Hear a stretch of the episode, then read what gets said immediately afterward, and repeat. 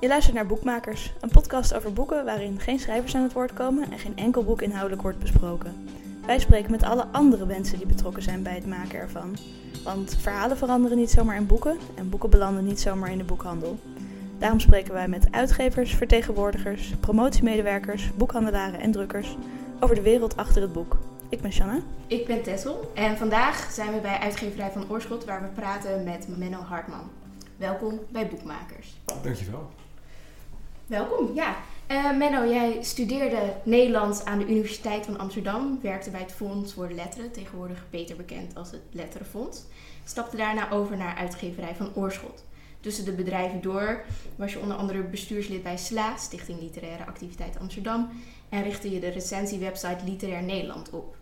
Verder ben je gastdocent bij de masterclass van redacteur-editor aan de UvA, bestuurslid bij de Poëzieclub, die het blad Water, A-Water uitgeeft, en voorzitter van de Stichting Dichter des Vaderlands. Flinke lijst. Hebben we wat gemist? uh, nee, dat, dat moet het wel wezen, denk ik. Uh, hoop ik ook eigenlijk. Ja, dat lijkt me ook. Het uh, is flink wat. Ja. Je bent ooit begonnen met de opleiding tot leraar Nederlands. Ja, klopt. Ja. Wat is er gebeurd? Je bent er vanaf gestapt? Nee, nee, nee, die heb ik afgemaakt. En ah. dat lijkt me nog steeds prachtig mooi werk eigenlijk. Maar toen ik, er, toen ik stage liep, wat ik ook heel leuk vond. Ik herinner me uh, poëzieles op een, op een, een HAVO in Zaandam. Uh, maar toen dacht ik dat ik toch nog een pasje door wilde studeren. En dat ik toch nog iets meer wilde weten over wat me het meest interesseerde. En dat was gewoon de literatuur. Dus toen ben ik naar de, naar de UvA gegaan en heb ik daar nog gedaan wat bij benadering jullie ook hebben gedaan, denk ik in ieder geval. Mm de opleiding Nederlandse historische en moderne letterkunde. Ja, toen, uh, toen was ik klaar om te gaan werken. Toen heb ik eerst een, uh, een halfjaartje gereisd en daarna ben ik inderdaad gaan werken. Ja. En, dus toch, en het is toch uh, niet bij het leraarschap terechtgekomen, maar door de universiteit andere pad ingeslagen? Ja, ja, ja. Ik, ik, ik denk dat ik toch... Ik was echt altijd wel een, een, een boekenwurm. En ik heb mijn middelbare schooltijd eigenlijk in zekere zin verprutst door alleen maar boeken te lezen en nooit huiswerk eh, te maken. Ik wilde gewoon lezen. En aan het eind van die leeropleiding dacht ik van ja, dat, dat is toch uh, hoe dicht je het boek kunt benaderen. Zo, zo dicht wil ik dat wel proberen. En dat, uh, dat, dat ben ik toen gaan doen. Eerst bij het Letterfonds, subsidies voor schrijvers en vertalers. En na een paar jaar was ik dat dan wel een beetje zat, omdat ik dat een, een tikkeltje een ambtelijke organisatie vond. Een hele mooie organisatie, maar ze zijn natuurlijk heel voorzichtig en ze zijn, je moet heel erg oppassen met wat je zegt en doet, omdat iedereen over je heen kan vallen. En dan zijn andere mensen weer verantwoordelijk omdat het zo uh, tegen de politiek aanschurkt. Dat ik dacht, ik wil iets zelfstandigs. En zo ben ik in ieder geval bij een zelfstandige uitgeverij beland, waar je zelf mag besluiten wat je doet. En uh, waar je zelf uh, van uh, start tot finish meeloopt met het maken van boeken. Ja, want Van Oorschot is een zelfstandige uitgever. Hoe zou je de uitgeverij typeren? Ja, het is een, um, het is een best oude Nederlandse zelfstandige uitgeverij die het zoekt in het wat hogere literaire segment. Dus uh, we willen graag boeken verkopen, maar we willen vooral ook heel erg graag boeken maken die we zelf ongelooflijk goed vinden. En die we ook nog kunnen verkopen. Dus dat, dat, is, de, uh, dat, is, dat is het verhaal waar we, de, de balans waar we voortdurend naar op zoek uh, zijn. Uh, als je helemaal van je eigen smaak uitgaat, wat sommige uitgevers lukt, maar in mijn geval zou dat niet per se heel succesvol zijn, omdat ik soms van dingen houd waarvan ik zeker weet dat ik er maar honderd van kan verkopen. En dat, dan moet je dat, naar mijn idee, toch niet doen. Dus ik vind het wel leuk dat deze zelfstandige uitgeverij echt een winstoogmerk heeft. Dus eh, we willen gewoon geld verdienen, maar we willen dat wel met eh, de allerbeste boeken. En dat uh, doet de uitgeverij sinds 1945. En ik doe hier daar twaalf jaar aan mee. En ja, want het is opgericht ooit door uh, meneer Van Oorschot zelf. Ja, Geert van Oorschot. En daarna door zijn zoon toch overgenomen. Is het, uh, hoe is het om in zo'n familiebedrijf te starten en dat nu dan ook voor te zetten? Um, nou, het, het, het is heel leuk. Het is een, ik vind het een mooi bedrijf. Ik vind het eh, verhaal van Geert van Oorschot, zoals dat ook is opgetekend in zijn biografie door, door Arjen Fortuyn, is een aansprekend verhaal. Uh, het, was een boeiende, uh, een energieke, soms lichtjes tyrannieke man die ja, een, met enorm veel geest en enorm veel esprit uh, in die boekenwereld leefde en daar echt een heel erg goed resultaat in behaalde. Zelf ging schrijven, die boeken ook nog heel goed verkocht. En um, na zijn dood, uh, toen Wouter en uh, Gemma Nefkens de uitgeverij overnamen, hebben zij dat ook heel succesvol uh, gedaan. Toen kwamen de, de hoogtijdagen van Voskuil met het bureau, die verkoopresultaten opleverde die je nu alleen nog maar met, met Harry Potter kunt vergelijken. Echt enorme fanschade die op de nacht voordat het boek uitkwam eh, voor de boekwinkel ging liggen omdat ze niet konden wachten om naar het volgende deel uh, te grijpen. Ik wist niet dat het, ik wist wel dat het succesvol was, maar ik wist niet. Ja, nee, daar is echt uh, waanzinnig veel van, uh, van verkocht in die periode. Verkleed als personages uit het bureau voor de boekwinkel liggen. Ja, precies. ja, ja. En wandelingen door Amsterdam die Maarten Koning ook maakte, dat was best in de jaren negentig super populair. Ja. Um, dus ja, het familiebedrijf uh, was een prachtig bedrijf. En Wouter van Oorschot heeft een jaar of vier terug de uitgeverij verkocht aan vijf of zes individuen die gezamenlijk nu de eigenaar zijn. En Mark Pieters is de uitgever-directeur. En ik geloof dat we het sindsdien ook nog steeds heel leuk doen. En dat we met hetzelfde plezier werken en een iets uitgebreider fonds maken, maar naar mijn smaak nog steeds van de gelijke eh, eh, inhoudelijke kwaliteit. Ja. Kunnen jullie desondanks dat het door eh, vijf à zes personen de uitgeverij in het bezit is van vijf of zes personen, alsnog je eigen koers varen? Of moet er alsnog verantwoording afgelegd worden? Er is, ehm, zoals dat gaat met aandeelhouders, een soort overleg uh, waar Mark Pieters bij zit en dan, dan hebben ze het over de resultaten.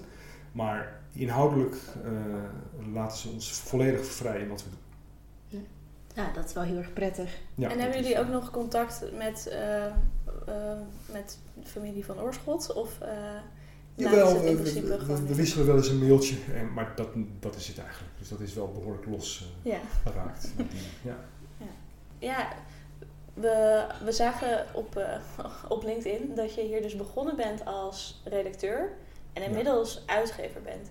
Wat, kun je uitleggen wat het, wat het verschil daarin is? Of in ieder geval hier het verschil is daarin. Wat hier het verschil is. Kijk, wij zijn natuurlijk best wel een, klein, een kleine organisatie. Dus we zeggen wel eens uh, grappend dat de slagerij hier op de Utrechtse straat bepaald meer personeel heeft dan, dan wij hebben. Wij zijn uh, met z'n achten, doen we alles. En dat is echt van. Uh, uh, van het werven van de, de, de auteurs tot en met het pers klaarmaken van het materiaal, ehm, tot het verkopen en de contacten met de boekhandels. dat is allemaal vervat in, in acht individuen. En, Werken jullie ook helemaal niet met freelancers die corrigeren? We, we werken wel wat met freelancers, de laatste jaren iets meer. Daarvoor de, deden we het niet. Maar toch betrekkelijk groot percentage van het werk uh, gebeurt hier intern. En de redactie is ook vrij stevig in vergelijking procentueel met, met andere uitgevers. Maar wij hebben een junior redacteur of bureau-redacteur en uh, een acquirerend redacteur. En uh, twee mensen die zich uitgever noemen. En ja, het verschil ertussen is iets meer nadruk op uh, de zaken die net buiten de totstandbrenging van het boek heen gaan. Dus ook verkoop naar het buitenland, maar ook de aanvraag van subsidies of het in de gaten houden van een soort lijn in de uitgeverij. Ja. Dat hoort dan bij het werk dat de uitgever doet. Dus het, maar je, je, doet ook nog steeds wat je als redacteur doet, namelijk auteurs begeleiden, nieuwe auteurs. Ja, ja en, dan, en dan hebben wij van oudsher een soort tweeslag hierin. Ik ben niet de sterkste tekstredacteur, dus ik uh, ben iemand die in een mailtje gewoon een dictéfout kan maken. En die laat staan omdat ik het niet nalees. Mhm. maar ik heb wel het idee dat ik soms zinnige dingen kan zeggen over de structuur van het boek. Dus vaak ben ik de eerste lezer en dan geef ik wat forse dingen aan. En die kunnen zover gaan als ik vind dat je met dit hoofdstuk eigenlijk de, de vaart uit het boek haalt. Dus misschien moet je er helemaal uit. Dat zijn natuurlijk wel stevig ingegrepen. maar nadat ik met het boek ben bezig geweest en de auteur er nog flink naar heeft gekeken, gaat er ook altijd nog iemand overheen die, die, uh, ja, die op zinsniveau veel bij te dragen heeft. Ja, en um, als je dus dan een gemiddelde dag zou moeten omschrijven, van wat, wat, ja, wat, doe, wat doe je doorgaans? Nou, ik heb, uh, we zitten nu natuurlijk aan het einde van uh, coronatijd, of althans wat nu het einde nou, lijkt. Thinking. Optimistisch. ja.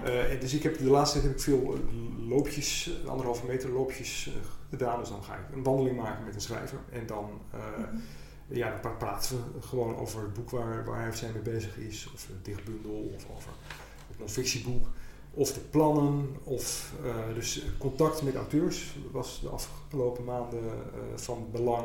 En uh, die, die, die, die loopjes leveren, dat is niet alleen maar ontspanning, maar dat levert ook gewoon altijd wel een, boel op. Omdat de schrijvers, daar gaat het om, je moet hen helpen met het tot stand brengen van hun werk. En dat kunnen ze vaak voor een goed deel alleen, maar toch vaak niet helemaal. Ze vinden het altijd fijn om erover te praten. Dus dat is een deel van mijn werk mail is gewoon een deel van het werk. Het kan intern zijn uh, over praktische zaken als we moeten nu de teksten voor de nieuwe aanbieding voor elkaar zien te krijgen. Het gaat ook over subsidieaanvragen. Het gaat ook over vragen van buitenaf. Uh, ja, uh, half boekinhoudelijk, half organisatorisch. Misschien dat ik het daarmee wel, wel samenvat. Mm -hmm. hoe, hoe kies jij wie je wil uitgeven? Heb je daar een bepaalde benadering voor? Wat hoe zie je het? Um, ik, wij doen dat met z'n allen. We hebben een, een, een productievergadering één keer in de week en een redactievergadering. En in de, de redactievergadering uh, bespreken we plannen. Dus iemand heeft iets gelezen of iets gehoord. Zou je daar een non-fictieboek van kunnen maken? Nou ja, dan, dan scherpen we het plan een beetje aan en dan gaat degene die daarover gaat praten met de auteur of die benadert de auteur. Um, vervolgens gaat het erom uh, dat je uh, het gevoel hebt goed met iemand door een deur te kunnen. Want ik geloof niet dat je een boek kunt maken met iemand waar je niet mee kunt opschieten. Dat lijkt me ontzettend lastig. Dus het gaat om een goed plan, het gaat om een goede klik tussen, tussen de auteur en de uitgeverij. En veel van dit werk doen we met z'n allen. Dus uh, je kunt kritisch zijn op elkaars plannen, maar je kunt vooral helpen aanscherpen en zorgen dat het, uh, dat het beter werkt. En dan gaat een van ons uh, aan het werk met de schrijver. Moet iedereen het eens zijn voordat er een auteur wordt uitgegeven? Nou, het, is, het, is niet, het is niet volstrekt democra democratisch, maar het is, het is, wel, het is wel goed om als bijna niemand het wat vindt, je achter je oren te krabben en te zeggen van vind ik dit alleen maar een aardig iemand. ja, en als dat zo is, dan moet je het toch en waar, hoe komen jullie dan aan die, uh, aan die potentiële personen? Nou ja, dat zijn uh, mensen die naar jullie podcast luisteren en denken van dat is iemand waar ik misschien wel eens een keer mijn plan aan zou kunnen voorleggen. Want ik heb al heel lang een idee, maar ik weet, weet nooit zo goed hoe ik dat moet doen. En ja, die kunnen mij dan mailen op menno.vanoorschop.nl en dan sturen ze, uh, dan sturen ze een, een, een, plan toe en dan ga ik een kopje koffie drinken en dan ben je alweer een stap verder. En, maar dat gaan jullie denk ik niet met iedereen doen die een plan instuurt, toch? Laat, nee, maar we bekijken wel alle plannen. Dus ja. Uh, ja, dan, dan gaat het eenvoudigweg om. En uh, dit lijkt een beetje te veel over non-fictie te gaan, maar het gaat natuurlijk ook over dichtbundels, het gaat ook over mm -hmm. romans. Um, het, het, het, gaat om de tekst uiteindelijk. Dus je krijgt een mail of een synopsis of een stuk tekst waarvan je zegt, nou ja, dit, dit spreekt me echt aan. En als dan vervolgens het gesprek ook goed is, ja, dan, ben je, dan, ben je, dan heb je een eerste stap gezet, denk ik. Ja.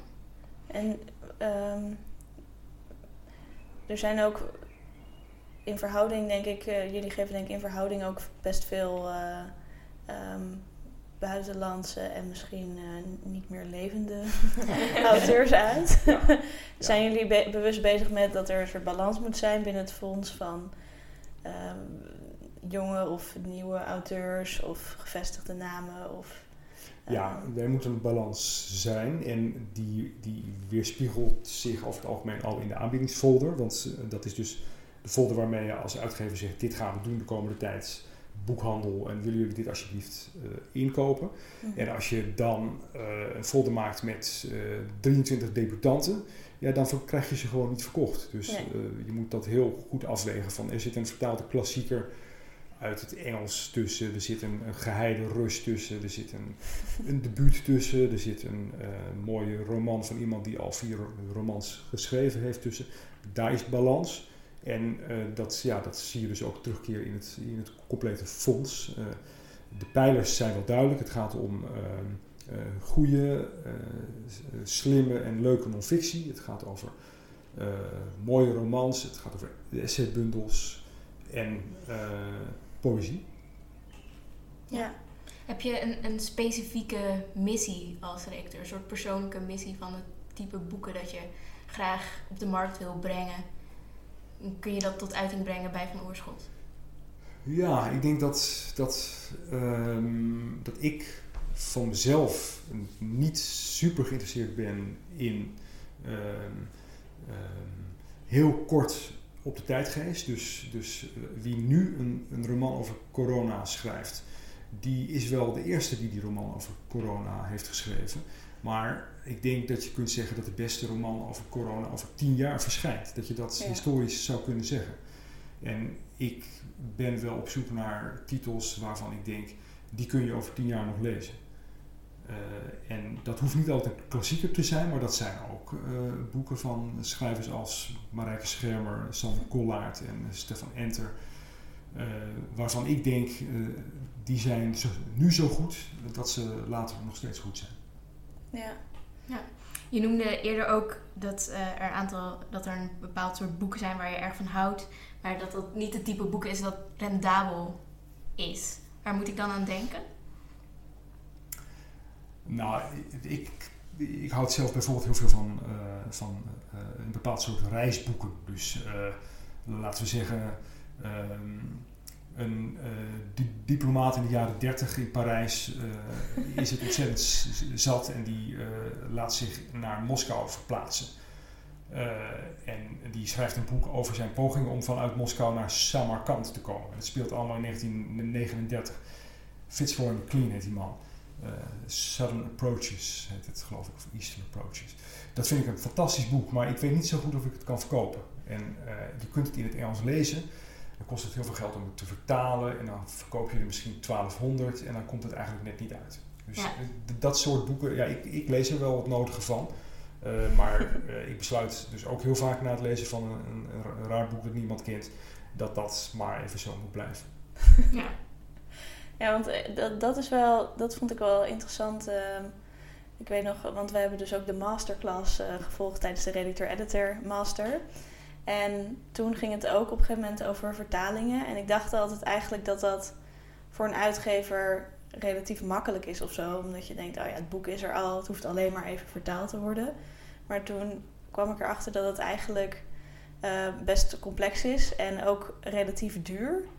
Ja. Um, dus is het, is het in die zin dan uh, haast nog uh, risicovoller of ingewikkelder om een vertaling uit te geven dan een Nederlands boek? Of zou dat te ver? Uh... Nou, het is beslist duurder, want je moet de vertaler betalen en dan, dan heb je zeg maar wat 8000 euro uitgegeven aan de vertaling en dan heb je nog helemaal niets. Ja. Maar het kan natuurlijk ook succesvoller zijn. andere uitgevers zijn bijvoorbeeld veel handiger in het op tijd aankopen van een internationaal succesauteur. Mm -hmm. Uh, en als je uh, de nieuwe Wellebeck kunt uitgeven, uh, ja. ja. dan weet je dat je daar heus wel uitkomt met die vertaling. Maar dat zijn dan ook uitgevers voor wie het niet zo moeilijk is om meteen een voorschot van 20.000 of 30.000 euro neer te leggen. En dat, dat doen wij niet. onder meer omdat we dat waarschijnlijk niet kunnen terugverdienen. Dus we, zitten wat dat betreft misschien weer net wat anders in elkaar dan andere uitgevers. Ja, want dat is misschien nog goed om een soort van uit te leggen. Want auteurs krijgen vaak een voorschot. En als het boek dan goed verkoopt, dan krijg je dus royalties over ieder boek dat wordt verkocht. En uh, nadat dan het voorschot is inverdiend, krijg je dus ook nog weer royalties uitbetaald. Ja. Maar dat is dus voor de uitgever, als hij een hoog voorschot geeft, dan neemt hij eigenlijk een soort risico met zich mee. Omdat je zegt, we verwachten dit aantal boeken ja, te verkopen. Ja, ja, precies. Het is een, best een eenvoudige rekensom. En voor grote internationale auteur zit daar dan ook nog een agent tussen, dus die gaat dan ook mee verdienen en die is heel handig in het opdrijven van de prijs. Dus dan heb je, heb je, dat is hun werk, dat is prima, maar dan heb je dus heel veel geld betaald voordat je überhaupt iets gaat verdienen. Dus wat dat betreft is een goed lopend debuut uh, natuurlijk ideaal, want dan, dan, betaal je gewoon de auteur en heb je niet een gigantisch voorschot uh, betaald en dan verdient de auteur en de uitgever gewoon prima vanaf het eerste verkochte boek. Ja. Dus zo zou ik het graag willen uh, en zo doen wij het ook vaak, maar dat betekent dus ook wel dat je het onderspit delft in, uh, ja, op het moment dat er een veiling is of dat iemand zo populair is dat hij kan zeggen ik wil pas met je gaan praten als ik eerst 15.000 euro van je krijg. Ja, nou ja dat, dat, ik hoor dat niet zo vaak, maar dat weten de meeste uh, auteurs ook wel, dat ze daarvoor niet per se bij ons moeten zijn. Maar weer voor andere dingen misschien, hoop ik. Dat lijkt me wel, ja. Ja, en er is op het moment, of op het moment al wel een tijdje, de vraag over ook hoe rendabel poëzie is. En nu ben je natuurlijk ook een poëzieredacteur. Ja. Um, hoe kijk je er zelf tegenaan?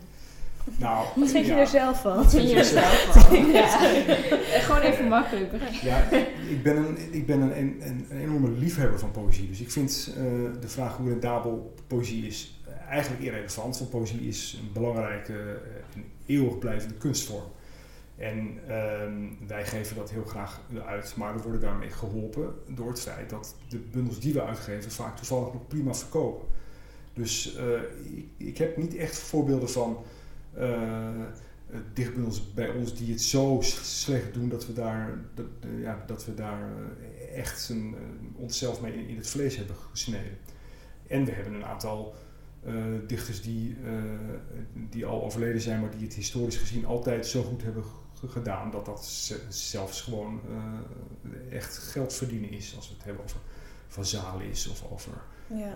Kopland. Dat zijn natuurlijk en goede dichters, maar ook dichters die echt heel goed hebben verkocht. Ja. En dat geldt ook voor dichters als uh, Senomi Pequin. Um, hele goede dichter, maar ook een met Willem-Jan Otte, waar we gewoon druk na druk van opleggen. Ja. Maar wij blijven dit altijd doen omdat, omdat we het heel mooi vinden en belangrijk. En omdat we, eh, schat ik in, nooit zo weinig gaan verkopen dat we er pijn van lijden. Ja, dat is wel prettig. Ja, je ziet de laatste jaren ook, merk ik, een soort opkomst. Misschien ligt het aan mij, maar een opkomst van een soort Instagram-poëzie. Oh ja. Als je denkt aan uh, uh, de gedichten van de broer van Roos, oftewel Tim Hofman of Rupi Kaur. Hoe, hoe zie je dat? Zie je dat als een soort van gateway drug of een bedreiging? Nee, nee ik ben een paar jaar terug uh, ongelooflijk veel gelukkiger geworden door te stoppen met Instagram. Uh, dus ik, ik, zie het niet, dat in de eerste plaats. Misschien is dat uh, je kop in het zand steken, maar ik, ik mis het beslist niet. En ik ben helemaal op geen enkele manier tegen de poëzie van Tim Hofman, want ik geloof dat dat superleuk is en ik vind het heel erg ik heb die bundel trouwens gelezen en er, er stonden echt heel veel leuke dingen in en heel veel verflauwe dingen. Maar ik geloof dat, ja, dat heeft een publiek en dat is prima. Maar het is net als patat. Patat is eten en er zijn meer mensen die patat eten dan die een bepaald soort salade met halloumi eten. Ik ben meer van de salade met halloumi. En volgens mij moet je gewoon de keuze breed houden en je kunt kiezen wat, wat je wilt. Het is nooit een bedreiging. Nee.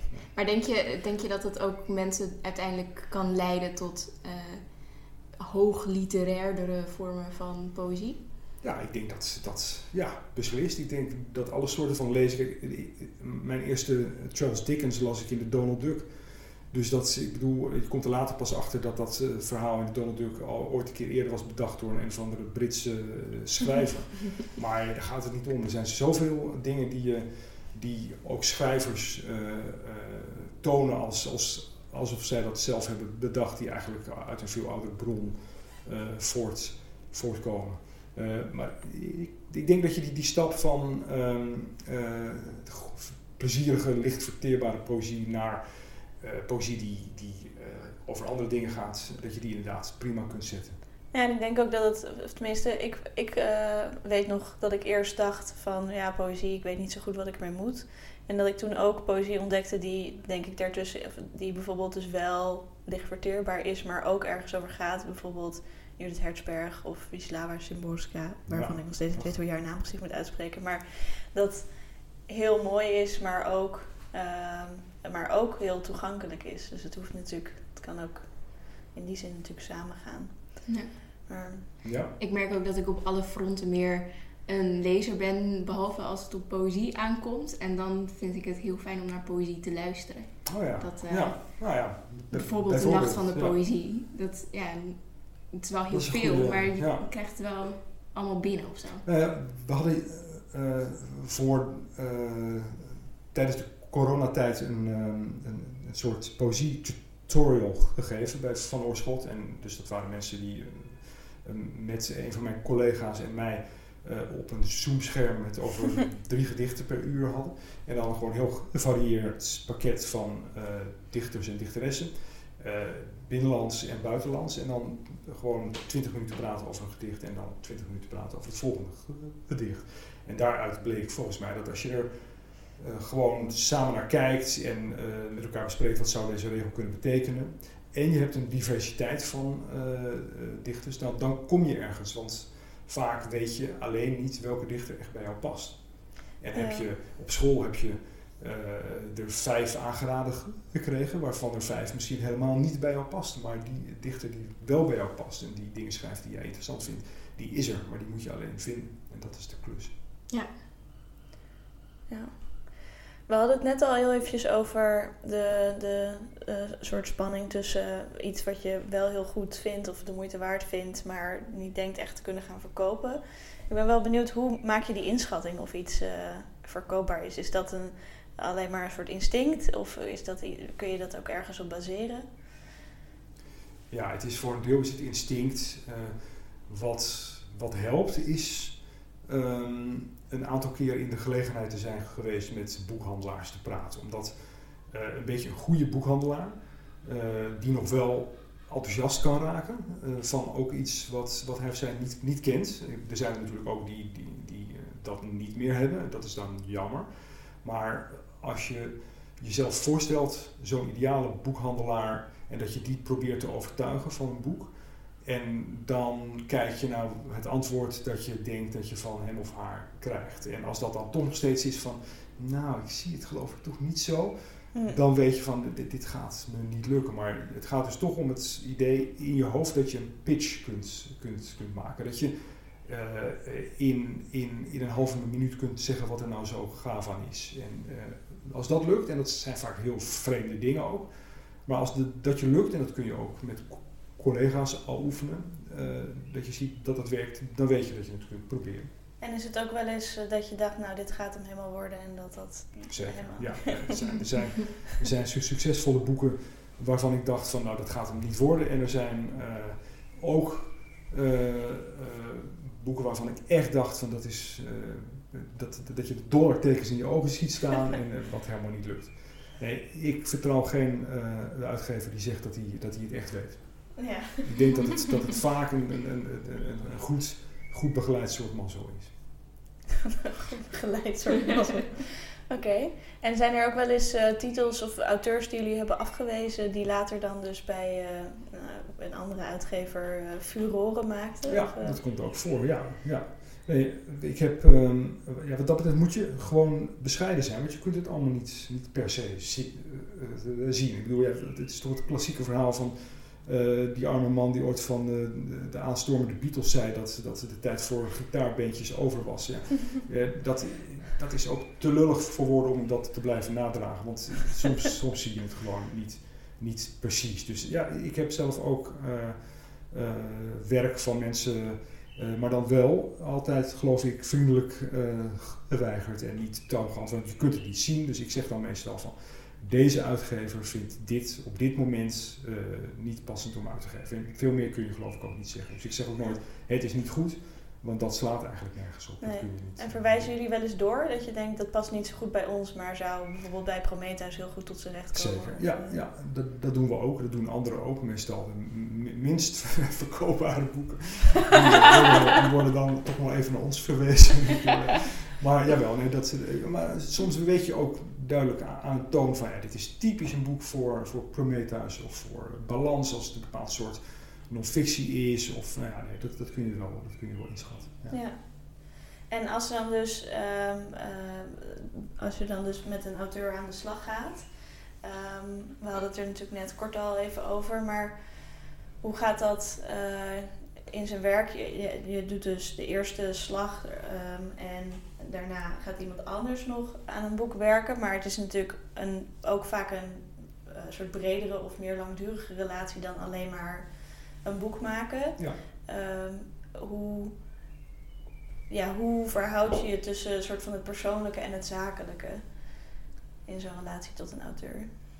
Ja, het is een, dat, ja, dat, dat verschilt echt per, per, per redacteur en per uh, uitgeverij. Ik, ik, ben, ik, ben, ik kom uit een familie van lichtjes afstandelijke mensen. Dus ik ben niet uh, iemand die, uh, die iedereen thuis uitnodigt en feest vieren. En, ik bedoel, het komt wel eens voor, maar uh, ja, schrijvers die je langer kent, dat zijn niet direct per se vrienden, maar wel uh, mensen met wie je uh, heel goede ges gesprekken kunt voeren. En, mm-hmm. en waar, waarbij het vaak, of in ieder geval, ik vind het ook heel leuk om die gesprekken te voeren. Um, ja, het is een soort van collegiale, vriendschappelijke verhouding waarin je relatief veel over boeken praat, maar soms ook wel over andere dingen. Ja, er is toch ook altijd die, uh, die, die, dat verhaal dat de redacteur van AFT van der Heijden elke ochtend een croissantje kan brengen of zo. Oh ja. ja. ja. Is dat waar? Ik weet het ja, ja, dat is, dat is vast maar. Kijk, als auteurs uh, een enorme status uh, krijgen, dan kunnen, ze, uh, dan kunnen ze om van alles gaan vragen. En soms is dat ook heel logisch, want ja, als iemand in staat is om fantastische muziek te maken, dan vinden heel veel mensen het ook niet erg om, om even een, een, op tijd een, flesje water aan te reiken of iets ja. dergelijks.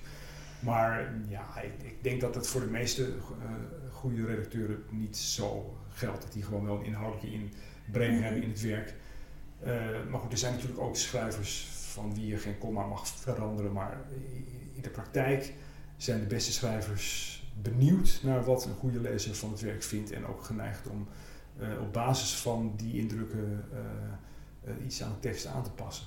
Ja, want hoe, hoe gaan schrijvers doorgaans om met kritiek? Of tenminste, als redacteur geef je toch opbouwende kritiek. Ja, ja. Dat vinden mensen vaak niet leuk om te horen. Vooral als je ergens natuurlijk lang aan hebt gewerkt. Nou, ik, ik, valt dat mee? Mijn indruk is dat de, de, de beste schrijvers willen gewoon heel graag weten wat je van de tekst vindt. Want dat is een, als je dat goed hebt gebracht en als je contact goed is, dan is dat uh, uitsluitend winst voor de auteur. Want als hij ja. het van jou niet hoort, dan ziet hij het keihard terug in een recensie. Dus dit is eigenlijk wat hij, wat hij nodig heeft om te zorgen om, om zijn blinde vlek te bestrijden. En, en iedereen heeft die, en mensen die dat ontkennen, uh, die hebben een beetje een grote. dus dat, uh, ja, ik, ik denk altijd dat er echt zo'n percentage is van eh, een echt goede schrijver slaat 50% van de raad in de wind en met 50% doet hij wat. Daar zal het wel een beetje op neerkomen. En is het wel eens voorgekomen dat er dus zo weinig met, het, uh, met de opmerkingen wordt gedaan dat het dus gewoon niet voldoende vooruit gaat en dat je dan moet stoppen ermee? Of uh, als jullie eenmaal hebben besloten te gaan uitgeven, doen jullie het dan altijd? Of is er altijd nog een kans?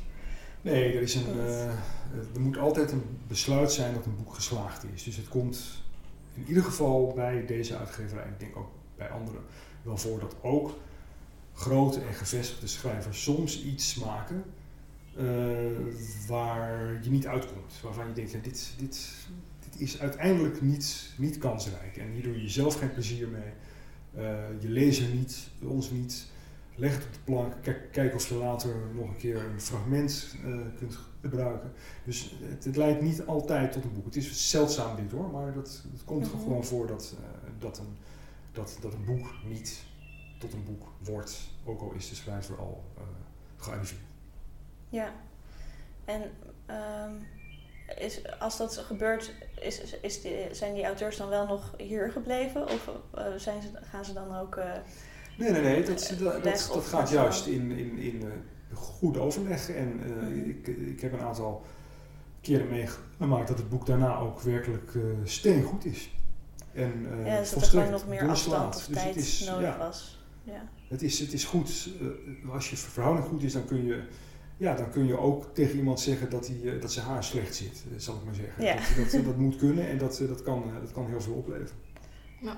En hoe is het dan als een, uh, want dat, dat, is natuurlijk ook een ding dat uit, of, uh, schrijvers soms overstappen van uitgeverij en zo. Ja. Voelt dat dan ook als een soort persoonlijke kwestie? Nou, of, dat is pijnlijk, ja zeker. En dat, uh, ja, dat, dat kun je je soms ook voorstellen en soms heb je het idee dat het op verkeerde gronden gaat. En, en soms is het, al met al is misschien wel beter, maar ja, pijnlijk is het, is het altijd wel. Ja.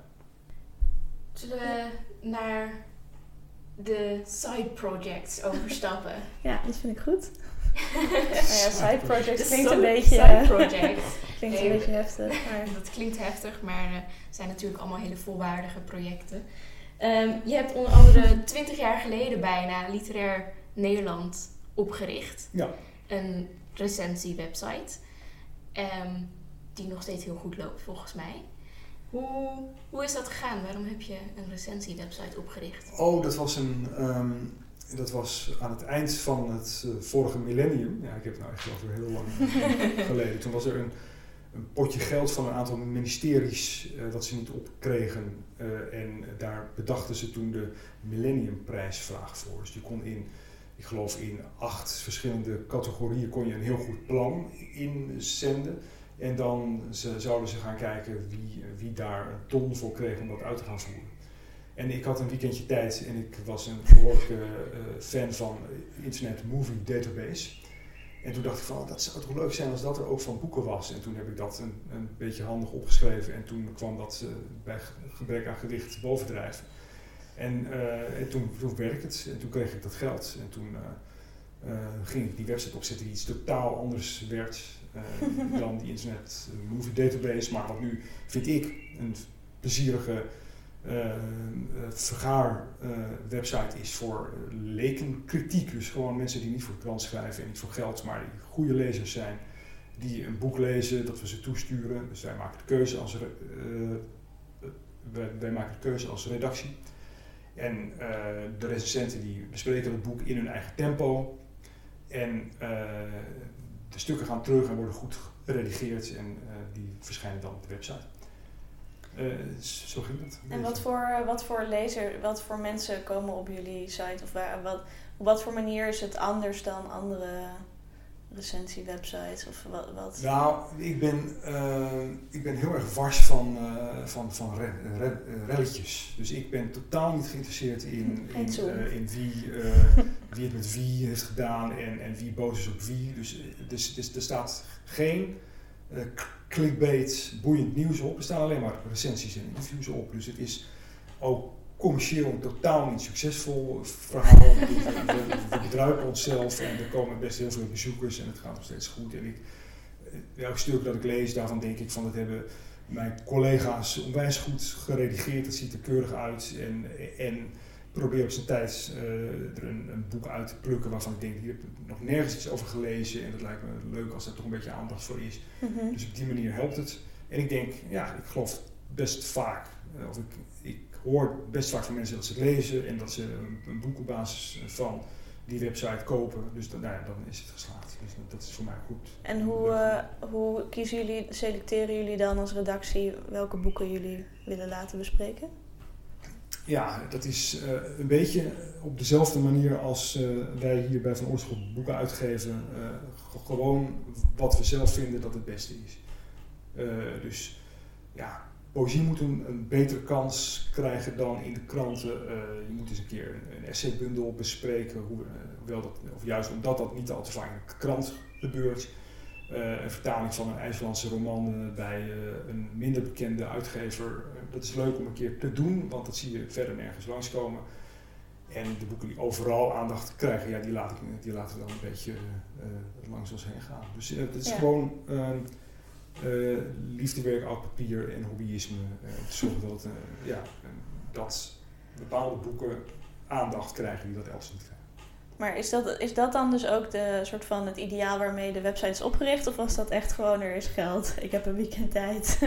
Het klinkt wel heel banaal nu.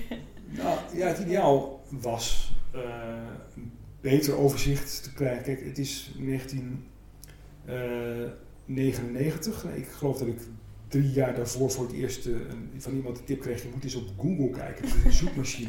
Is wel. Vet. eh, en en Ja. Wikipedia bestond niet als ik wist dat dat zou gaan bestaan. Dan had ik hier eh, nooit enige eh, minuut aan besteed, want dat is veel, veel beter. Dus het was niet het ideaal. Eh, want dat was gewoon een soort, dat was een soort Wikipedia over boeken en schrijvers. Ja. Eh, maar het werd een, eh, een recensiewebsite. Dus het is eh, eh, second best. Ja, het is gewoon ontwikkeld in de... Ja, dat is de kant die het opging. Ja. En uiteindelijk is jouw idee ergens anders Goodreads geworden, volgens mij. Ja, ja, Ja. precies. Ja, ja. Ja. ja En dat, eh, dat klopt. Doet het volgens mij ook prima. Ja, nee, dat zal. Beter, denk ik. Nou ja, je hebt natuurlijk ook nog Hebban. En, eh, Ja, precies. Ja. Ja. Ja, dus het is nu natuurlijk eh, sowieso... Maar dan het grote verschil daarmee is natuurlijk dat iedereen gewoon, iedereen die wil, een stukje kan schrijven. Ja. En, Ja. Dat, Dat dat, dat, gewoon- is commerciëel beslist het slimste. Eh, maar eh, dat is geloof ik niet eh, ons idee. nee. Dus dat, en wij, wij willen echt geredigeerde recensies. Mhm. En dus ook van niet iedere lezer, begrijp ik. Als in ook Nee, van nee, geoefende lezers. Je kunt je aanbieden en dan eh, moet je een recensie insturen. En dan bepaalt de redactie of ze denken dat, eh, ja, dat, dat, je, dat, je, dat, dat je het kunt. Ja, En dan krijg je een boek, ook niet naar eigen keuze. Want kijk, als je alleen maar eh, eigen boeken kiest, eh, dat, is, dat vind ik geen, geen, geen zuivere kritiek. Dus je moet boeken recenseren die iemand voor je uitzoekt. En dan kun je wel bepalen dat iemand die meer verstand van Italië heeft de nieuwe Veronese moet, moet, moet recenseren. Maar dat betekent dat je niet altijd als knorrige oude man alleen maar knorrige oude mannenboeken eh, bespreekt. Dus ja, er moet iets, eh, ja, we, we hebben daar een soort idee over hoe dat moet. Ehm, en daarnaast zit je ook in, ben je de voorzitter van, het, van de, is het een stichting die de Dichter des Vaderlands Ja, dat is een stichting. kiest? Ehm, hoe, hoe is dat gegaan? Nou, Wat niet, doen jullie? Niet hè. De, de stichting... Oh, ehm, Oh, nou, dat is verkeerd eh, gelezen. De stichting eh, is er eigenlijk om de Dichters Vaderlands te faciliteren. Mhm. En de stichting stelt een commissie sa- samen van Ah, een stuk of tien verstandige mensen die mogen met z'n tienen uitmaken wie de volgende dichter des Vaderlands is. En het is zo gekomen om, omdat onze dichter Esther Owen Quinn uh, de dichter Vaderlands was voordat Chet Braja dat was. En toen eh, werd de facilitering door Po- Poetry International eh, uitgevoerd. En die hadden het eigenlijk op een bepaalde manier veel te druk met andere dingen. Zodat eh, Esther een beetje eh, zweefde en niet voldoende ondersteund werd. En daar hadden we het wel eens over. En toen zijn Esther en ik erop uitgekomen dat het handig zou zijn als we een paar mensen zouden vragen onder de, de RC, die ook een, eh, partner is, Mhm. om eh, gewoon een losse stichting op te richten die alleen maar faciliteert. Verder eh, niks eh, van het geld dat beschikbaar is eh opsoepeert. Dus ik bedoel, alles wat er nu voor fonds binnenkomt, gaat naar de uitvoering van de Dichter des Vaderlands. Dus dat, dat, was, dat, dat, dat was de achtergrond en dat is de functie van die stichting. Wat versta ik onder faciliteren in dit geval? Nou, kijk, in ehm, de meest basale eh, uitleg is eh, dat de stichting een bankrekening heeft eh, waar de stichting Lezen en het Letterfonds hun geld op kunnen storten en dat wij een administratrice hebben die netjes het geld aan chat overmaakt en als er een project is, dan moet dat ook financieel worden ondersteund. En daarbij uh, moeten we soms, als Chat een idee heeft wat hij wil bespreken met uh, de bestuursleden uh, Thomas de Veen en Daphne de Heer en ik, dan bespreken we dat en dan zijn we een soort klankbord. En we zorgen er ook voor dat hij heel goed ondersteund is door een ZZP'er die, die ontzettend veel werk van hem afvangt. En die betalen we dan ook weer. Dat is een beetje de constructie. Zij heet Dasha Kookt en is ook heel goed. Nou ja. Ik denk dat we misschien uh, moeten gaan afsluiten. Uh, maar niet voordat wij onze. Uh, ja, eigenlijk één. Oh ja, normaal gesproken hebben we altijd een bijdrage van Patrick Bonen in de, in de aflevering. Maar zijn wereldreis is. want hij vertelt over boekvak, boekenvakkers in het buitenland. Oh, um, maar zijn wereldreis is gestopt en daardoor zijn zijn verhalen nu al bijna op. dus Boekenvakkers in het buitenland. Ja, ja. Um, maar uh, nou ja, daarom hebben we dus dit keer maar één rubriekje. En uh, dat is namelijk het rubriekje over boekenbal. Want ik ben daar nog nooit geweest. Ik zou heel graag daar een keer heen willen. Um, maar ik word maar niet uitgenodigd. um, tot die tijd ben ik nu dus verhalen aan het verzamelen van, uh, van andere mensen. Zodat ik uh, me goed kan voorbereiden en een beetje alvast ja, een, uh, Goed beslaagd en ijskool. Ja, precies. Ja. Alvast een voorproefje kan krijgen. Dus daarom vragen we, ben je wel eens op de boekenbal geweest? En zo ja, wat is je favoriete, meest memorabele herinnering daaraan? Ja, jezus. Ik ben, ik ben er stuitend vaak geweest. Omdat ik, uh, toen ik in Amsterdam kwam wonen in 1990, toen woonde ik in een studentenhuis met een vriend. En die kende de mensen die het boekenbal aankleden. En die zorgde dus dat wij via de late ruimte naar binnen gesmokkeld werden. en uh, ik ben er volgens mij sinds die tijd vrijwel altijd geweest. Maar dus de eerste, weet ik veel, tien keer uh, gesmokkeld en daarna, daarna legaal. Was er een groot verschil tussen de illegaliteit en de. Ja, ik vond die illegaliteit leuker eigenlijk. Ah. Dat is, dat, dan, dan, kun je een beetje doen alsof je er niet bij hoort en dat voelt als verzet. En um, dan hoef je ook geen mooie kleren aan en zo. Dat is ook heel fijn. Oh, ja. Eh, eh, dat kun je nog steeds besluiten. Eh, ik vind dat, dansen altijd het leukst. En niet te veel praten, maar vooral veel dansen. Dat vind ik altijd fijn. Ik hoop van harte dat je er een keertje in komt ja, misschien moet ik ook maar gewoon mezelf naar binnen smokkelen. Maar ik ben niet zo goed met dingen die niet mogen. En ik, ik moet zeggen dat, er, dat ik, ik ben afgelopen jaar voor het eerst op boekenbal geweest. En er waren bijzonder veel mensen illegaal binnen. Dat moet wel. Ja, dat is natuurlijk ook een beetje. Het, het, nodigt er echt toe uit om het, om het voor elkaar te krijgen. Ja, ik ken ook denk ik, nou ja, ik ken wel meer mensen die met een kaartje zijn gegaan, maar ik ken ook wel echt een heleboel mensen inderdaad die daar uh, zichzelf naar binnen hebben gepraat. Maar met, met, met deze uh, microfoons uh, moeten jullie toch op zijn minst... We gaan op reportage. Ja. Ja. ja. ja. precies. precies. Nou, ik weet wat me te doen staat. Maar ja, we moeten eerst nog maar zien of het boekenbal überhaupt gaat plaatsvinden natuurlijk. Oh ja, jezus. Ja. Volgend jaar. Als we in de tweede golf zitten. Nee, oké. Okay. Ik, zal, ik zal mijn pessimisme voor me houden. Um, ja, dat was het denk ik dan alweer. Dat denk ik ook. Dan uh, zullen we even afsluiten. Dit was alweer de zesde aflevering van Boekmakers. Bedankt uh, Menno dat we hier mochten komen om ja, met uh, je te praten. Um, vind je dit een leuke podcast? Volg ons dan op Instagram, Boekmakers. En laat natuurlijk een review achter op iTunes. Dat helpt ons om door anderen gevonden te worden.